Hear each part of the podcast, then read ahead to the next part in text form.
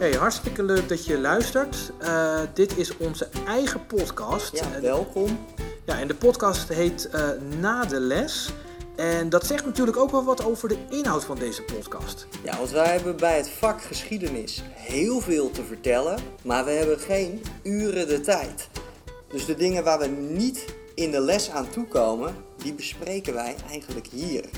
Ja, en even heel in het kort. Ik ben Gert-Jan Reus en ik ben een geschiedenisleraar hier op school. En tegenover mij zit Piet de Graaf en die is ook geschiedenisleraar hier op school. Dus wij weten wel een beetje waar wij het over hebben. En uh, ja, wat, wat Piet net zegt, wij hebben onwijs veel te vertellen en daar komen we nooit aan toe.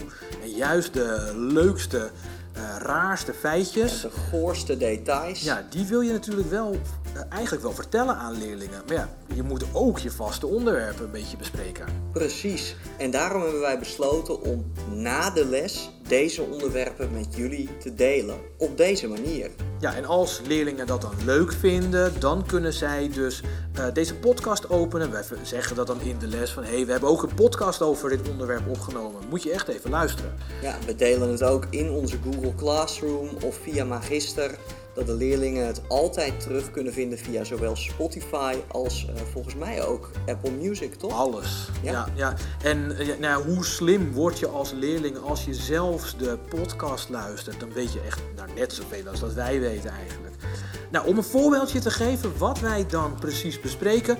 Uh, dachten wij, nou, we gaan het gewoon eens even hebben over iets waar we het in de lessen nu ook over hebben. En we zijn met de eerste klasse bezig met de Egyptenaren. En als ik het over Egypte heb, Piet, waar denk jij dan aan? Ja, mummies natuurlijk. Juist, mummies. Uh, want daar valt wel heel veel over te vertellen. Zeker, want het mummificeren van een persoon, dat was natuurlijk een ontzettend ingewikkeld proces. Goeie grap. Ja, zeker. Ja, en ook een heel duur proces en, ja. een, en een proces dat heel veel tijd kost. Er zit wel wat verschil in uh, soorten mummificatie. Hè? Want je ja. hebt mensen die op een natuurlijke manier gemummificeerd worden. Ja, dat droogde dan gewoon uit in de woestijn. Ja. En dan had je eigenlijk een dure methode en een goedkope methode, hoe dat ging. Ja, en dat, ja, dat is dus, naast die natuurlijke is er een kunstmatige. Ja. Um, en uh, wat is dan die goedkope? Ja, de goedkope methode, dan werden de lichaams, uh, eigenlijk de organen, die werden er met een, ja, een mengsel van cederhoutolie, werden die uh, opgelost. En dan werd het lichaam teruggegeven aan de familie die het konden drogen. Dat was de goedkoopste methode. Je droogde dat gewoon in eigen, in eigen huis? Eigenlijk met de goedkope methode wel. Dat zou lekker geruimd Ja, zeker in die Egyptische temperaturen. Ja, lekker warm. hey, en de duurdere methode, ja, die duurt ook veel langer. Hè? Ja. Die is ook maar alleen voor hele rijke Egyptenaren. Precies, die duurde ruim 70 dagen. En daar was een heel proces met allemaal rituelen. Hè? Het brein moest er bijvoorbeeld eerst worden uitgehaald. Want ja, brein, wat heb je daar nou aan? Helemaal ja, niets. Ik vertel het ook wel eens aan mijn leerlingen. Ik weet niet hoe dat dan met de luisteraar zit. Maar mijn brein past niet door mijn neusgat. In ieder geval niet als je een mummie ziet, bijvoorbeeld van Ramses II. Die ziet er nog perfect uit. Zijn gezicht is nog helemaal heel. Maar als je mijn hersenen door mijn neusgat gaat halen, dan gaat het stuk. Dus dat moet eerst een beetje geweekt worden ook weer. Dat moet eerst even opgelost worden. Ja, en ze gingen er ook met een soort rietje gingen ze eigenlijk in het neusgat. Je gaat nu niet zeggen dat ze het eruit zuigen dan? Nee, nee, nee, ze gingen het er niet uitzuigen. Nee, ze, gingen, eh. ze gingen het eigenlijk door je brein door elkaar heen roeren.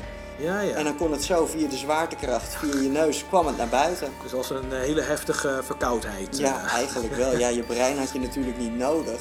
Welke wel belangrijk was, was bijvoorbeeld je hart. Dat was het enige orgaan wat ze erin lieten zitten. Ja, leerlingen vinden dat ook nog wel eens raar. Die beginnen, haha, hoe kan je nou denken dat je met je hart kunt denken of dat in je hart je gevoel zit.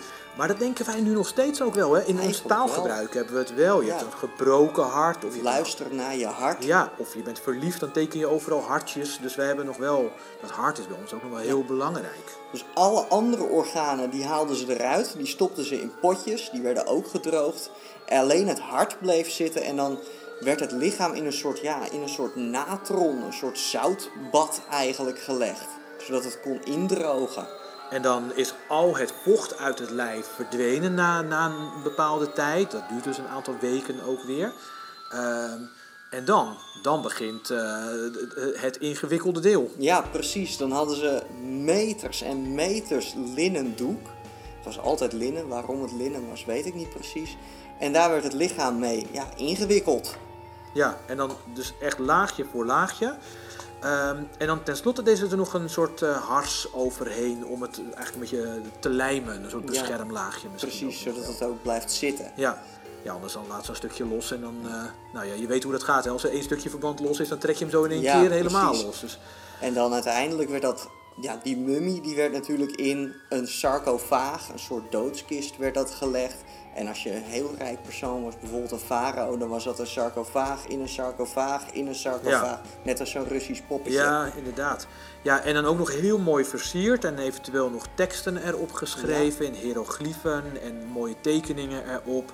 En die verhalen die vertelden dan wat je allemaal gedaan had bijvoorbeeld en waarom je echt naar de goden zou moeten gaan. Ja, en ook hoe je in de godenwereld moest komen. Ja, dat is nog wel een eh, aparte stap, hè? Ja, ik denk dat wij daar ook in de volgende podcast dan in verder gaan. Nou, dat is een goede cliffhanger die je hier eh, neerzet. Want eh, ja, wij laten het hier eventjes bij deze podcast. Mocht je geïnteresseerd zijn om eh, meer te weten over dit onderwerp, dan kun je natuurlijk de podcast blijven volgen.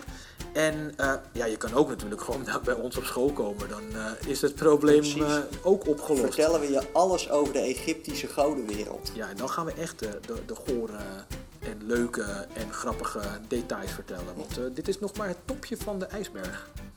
Oké, nou leuk dat je luisterde. En Ja. eh, misschien tot snel. Ja, tot Dag. na de les. Doeg! Dag.